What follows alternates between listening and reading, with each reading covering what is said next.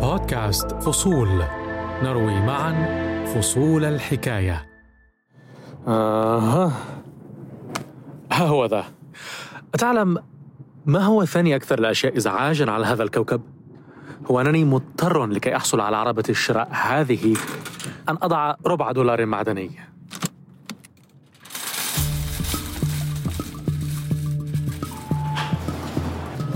أما أكثر الأشياء إزعاجا فهو أن تفرغ ثلاجتك من الطعام. لذلك أنا هنا في هذا المتجر القريب من بيتي. آه هذا هذا. بهذا أكون انتهيت. هيا بنا إلى منطقة الدفع الذاتي. ما أفعله هنا هو أنني أقف أمام الآلة؟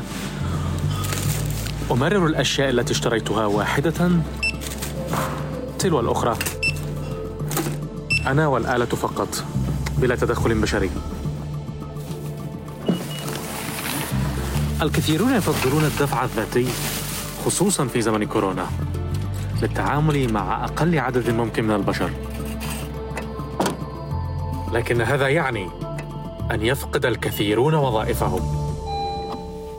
يشغل بالي هذه الأيام مستقبل الوظائف خصوصا في عالم ما بعد كورونا. ولكن لأنه معرفتي الاقتصادية تشبه ثلاجة الآن وهي فارغة. لذلك سأسأل زميلتي دعاء فريد التي بحثت فصول هذا الموضوع. محمود ازيك؟ أهلا دعاء ازيك؟ ازيك كويسة وده؟ أنا ودعاء لم نلتقي من قبل. هي تعمل من دبي وأنا أعمل من واشنطن. لكننا كانت تجمعنا نقاشات عميقة وجادة. مثل هل نعاقب بالحبس أم نكتفي بالغرامة لمن يضع الكاتشب على البيتزا؟ أو لمن يأكلون ليلا ولا يزيدون في الوزن. هذه أم الجرائم. لكننا اليوم سنترك الحديث حول الطعام مؤقتا ونتحدث عن مستقبل الوظائف. فلدعاء في ذلك رحلة. فما هي فصول الحكاية؟ اليوم يا محمود سنقابل اثنين. الأول أحد ضحايا أزمة البطالة التي نعيشها حالياً. واحد من الخمسمائة مليون شخص الذين خسروا عملهم. وبعدها سنفهم من لينكدين أشهر منصة توظيف في العالم ماذا يحدث تحديداً في سوق العمل هذه الأيام. سنجد إجابات على أسئلة كثيرة منها كيف أثر الوباء على سوق العمل وما مصير الوظائف في المنطقة العربية وماذا حدث للعمالة في الخليج. سأخبرك أيضا يا محمود عن ما فعلته الروبوتات بالبشر ولماذا تأثرت مليار وظيفة في العالم. لكن لا تشعر أن كل ما لدي اليوم حقائق مزعجة. ستستمع أيضا إلى أنباء سارة لمن يبحثون عن عمل في ظل الأزمة. إذا أردت أن تعرف كيف أثرت جائحة كورونا على الوظائف وسوق العمل فلن تحتاج إلى قراءة عشرات المقالات أو الأبحاث. يكفي أن تتجول في الشوارع أو أن تذهب لأقرب مقهى لبيتك لتجد أن العاملين الذين يحتاجهم هذا المقهى أو ذاك المتجر قل إلى النصف.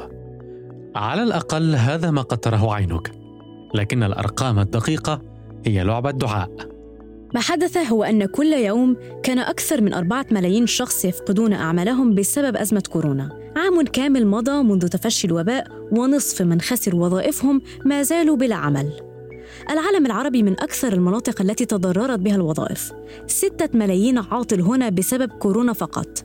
وأكثر من تأثروا اللاجئون والنساء والشباب. أزمة البطالة هذه تحدث في منطقة لا تستطيع كثير من حكوماتها توفير وظائف جديدة للخريجين. معدل البطالة بين الشباب في العالم العربي نسبته تتخطى ال 25% هذه أعلى نسبة في العالم. حصلت حاجات يعني بصراحة كان يعني الواحد والله أنا بصراحة لما بفتكر الأيام دي الواحد بتصعب على نفسه جدا يعني. هذا صوت محمود رجب. محمود يسكن في دبي حيث تقيم دعاء. دعاء ما هي قصة محمود؟ محمود رجب هو واحد من آلاف الشباب في صعيد مصر الذين يسافرون إلى دول الخليج سعياً وراء العمل. هو شاب مصري من محافظة سوهاج كان يستعد للاحتفال بإتمام عامه الثلاثين وأيضاً بإتمام عامين له في الإمارات.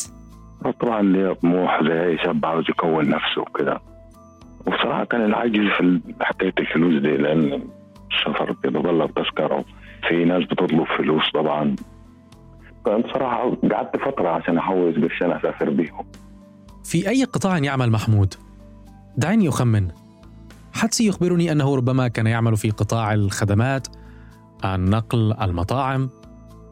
هذه القطاعات تضررت بشدة بسبب كورونا. تخمين قريب لكن محمود عامل بناء منذ 12 عاما بعدما حصل على شهادة دبلوم التجارة وهي الشهادة الموازية للثانوية العامة للتعليم الفني والتجاري.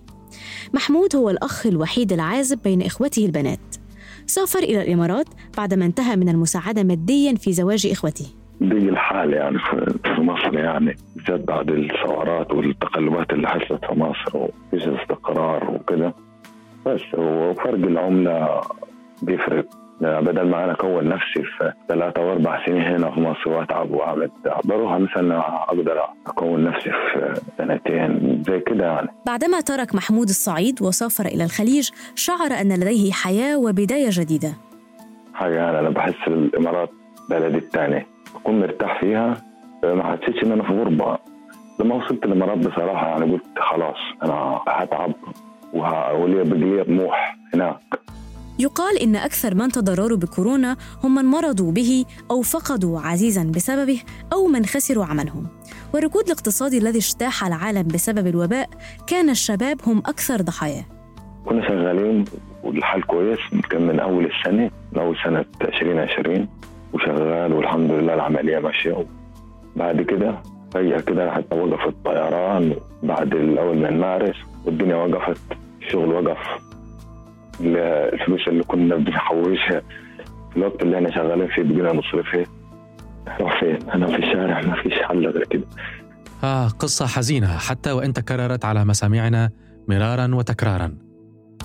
هناك إحصائية تقول إن من بين كل ستة شباب حول العالم أصبح هناك عاطل عن العمل بسبب كورونا.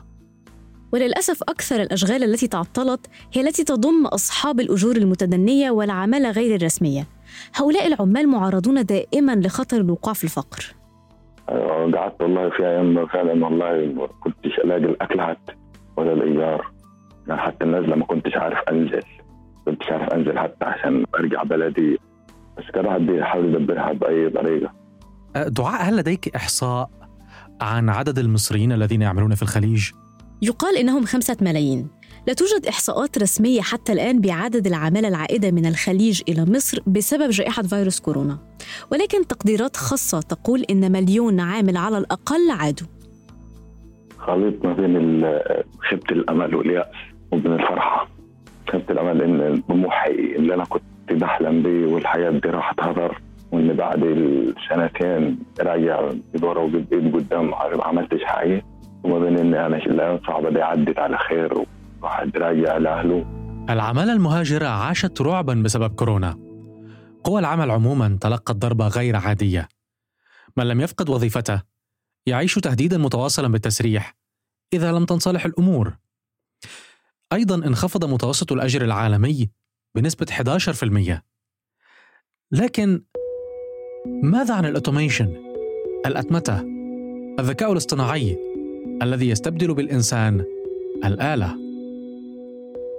على سبيل المثال منطقة الدفع الذاتي في المتجر الذي أشتري منه يزداد عدد مستخدميها يوما بعد يوم الوظائف وقوى العمل يا محمود تبدو اليوم مختلفة إلى حد كبير عما كانت عليه قبل عقدين. في الماضي كان طبيعي جدا أن يعمل الموظف بنفس الشركة على سبيل المثال لعشرين وثلاثين عاما، لكن الوضع اليوم لم يعد كذلك. لذلك تحدثت إلى ريم الحربي رئيسة شركة لينكدين في السعودية لأسألها عن تحديات الوظائف اليوم. التحدي في موضوع التوظيف صار أكبر والجيل الحالي هو فاهمة فاهم التحديات اللي قد تواجههم في سوق العمل. آه، نشوف قبل فترة أن الطبيب والمهندس وهم يدرسوا لساتهم في الجامعة يمكن على آخر سنة وظيفتهم تنتظرهم. الآن إحنا قاعدين نتكلم على نسبة بطالة. الحصول على الوظيفة صار أصعب لازم يطوروا من أنفسهم يميزوا نفسهم بين الكفاءات الأخرى. فهذه أمور يعني تكون مقلقة بالنسبة آه، للكفاءات. سألت ريم هل هذه التحديات لها علاقة بمهارات الموظفين نفسهم أم لها علاقة بالتقدم التكنولوجي؟ قطاع التقنية لعب دور جدا كبير في فترة الأزمة ونشوف كيف صارت الشركات معتمدة عليه بشكل أساسي. قطاع التجزئة يعتبر من أكثر القطاعات اللي تأثرت آه، خلال الأزمة. لكن نشوف في شركات كانت تعتبر صامدة ويمكن صار عندها growth بخلال الأزمة هذه الشركات اللي كانت مفعلة ال e-commerce عندها. التقنية يعني خلال الأزمة وقبل الأزمة تعتبر من الوظائف الرائدة.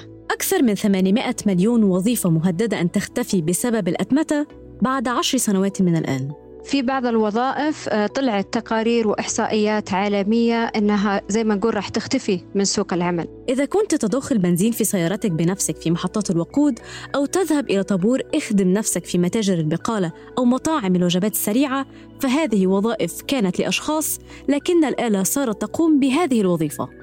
التكنولوجيا غيرت معادلة التوظيف كليا. وإذا كنت قلقا على وظيفتك اليوم ربما ينبغي عليك لكن ليس بسبب تهديد جائحة كوفيد 19 فحسب وإنما بسبب الروبوتات أيضا.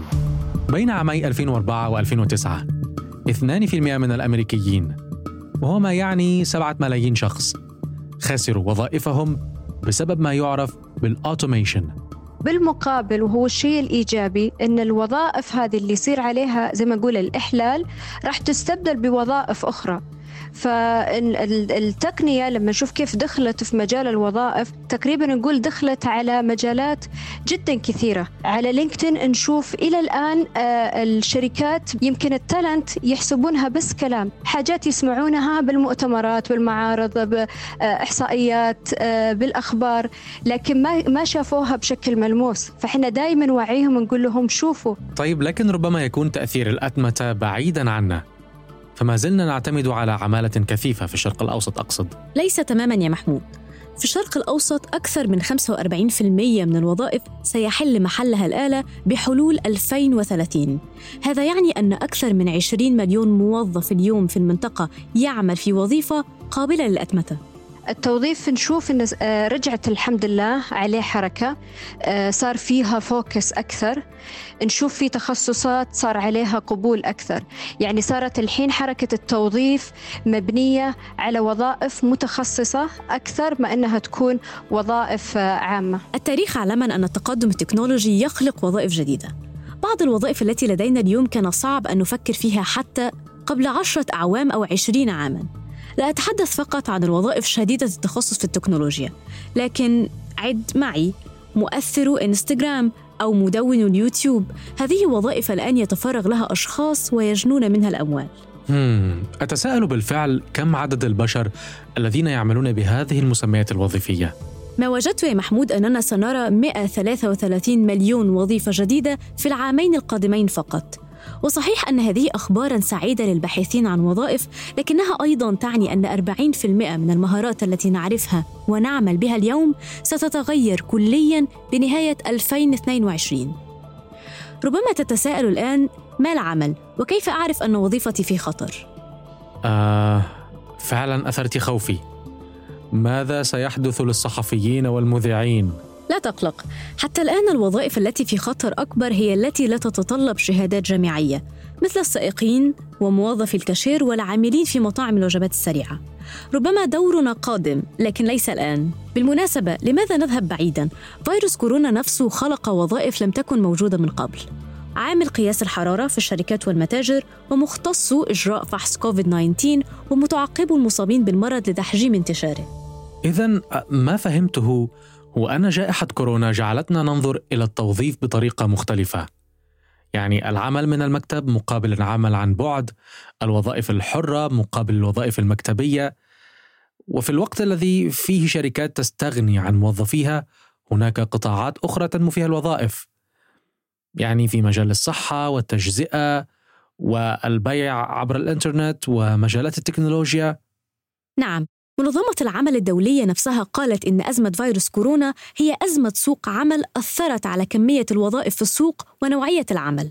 ويبدو أننا كما قلت بدأنا نشهد فعلا هذا التغيير. 70% من الشركات سترفع من اعتمادها على العمالة الحرة وشركات كثيرة توسعت في تبني التكنولوجيا. يمكن أن نقول باختصار جائحة أعادت تعريف سوق العمل. فعلا صحيح. كثيرون يصفون تسريح العمال والموظفين بسبب كورونا بأزمة مؤقتة تحل أول ما تتعافى الاقتصادات. دول العالم نفسها أنفقت عشرة تريليونات دولار لإنقاذ الوظائف والشركات وأكثر من 80% من الشركات تغير وتطور عمليات التوظيف الخاصة بها لتتأقلم مع التغيرات التي فرضتها حقبة كورونا. في النهاية الجائحة بكل تأكيد أعادت تعريف سوق العمل وربما أيضا أعادت تعريف حياتنا. أنت وأنا نستطيع سواء كنا ممن فقدوا وظائفهم أو ممن احتفظوا بها. أن نقرأ المستقبل بشكل أفضل. أن نعرف أين هي الفرص. وما هي المهارات المطلوبة. وما الذي يجب فعله لتجنب المخاطر. والأهم أننا نعي جيدا أنه حتى وإن حدث ما يخشى وقوعه ففي ثنايا كل أزمة فرصة. أنا محمود الشعراوي دمت في صحة وعافية. بودكاست فصول. يأتيكم من شبكة الشرق الأوسط للإرسال. اشتركوا على أبل بودكاست جوجل بودكاست وساوند كلاود لتصلكم الحلقات صباح كل اثنين.